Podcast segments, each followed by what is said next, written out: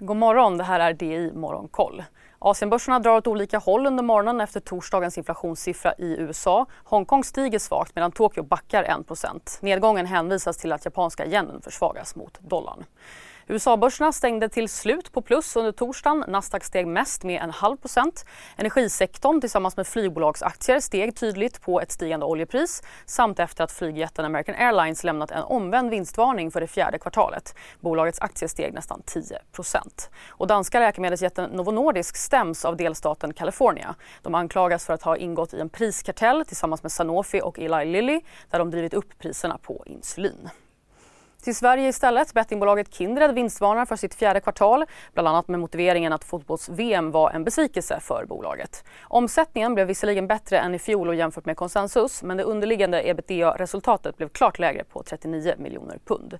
Kindred menar dock att det är enskilda händelser under perioden som leder till vinstvarningen och ska inte ses som en negativ trend på verksamhetens intjäningsförmåga. I andra sidan vågskålen meddelar Tobii att deras fjärde kvartal blir bättre än sin egna prognos och marknadens förväntningar. Intäkterna väntas bli mellan 250 till 265 miljoner vilket ger en organisk tillväxt på 15 procent. Rörelseresultatet väntas bli 5 till 10 miljoner vilket betyder att verksamheten vänder till vinst jämfört med minusresultatet i fjol. Inom råvarusektorn har Lundin Mining lämnat... Vi är specialister på det vi gör, precis som du.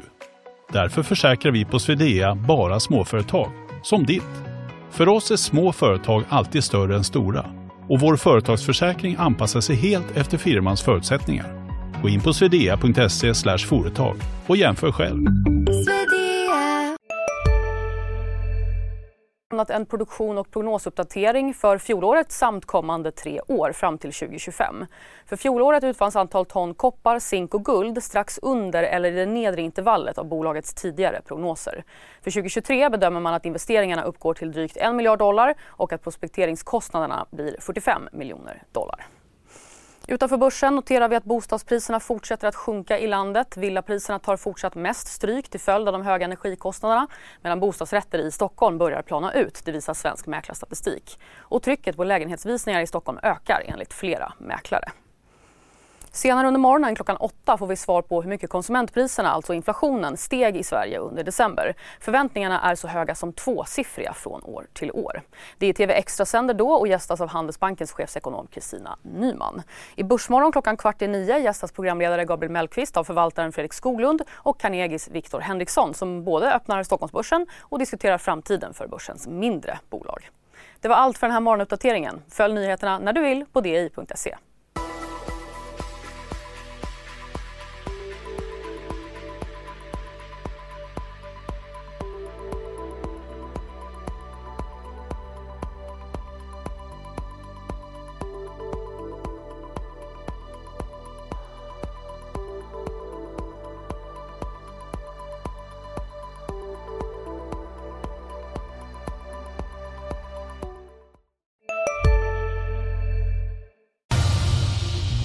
Expressen gör varje vecka podden Politikrummet där vi djupdyker i det senaste och viktigaste inom svensk politik. Med mig Filippa Rogvall som programledare tillsammans med mina vassa kollegor. Och det är ju ni som heter Thomas Nordenskjöld, Anette Holmqvist och Viktor Bartkron. Politikrummet kommer med ett nytt avsnitt varje tisdag. Vi hörs. Hej, Synoptik här. Hos oss får du hjälp med att ta hand om din ögonhälsa.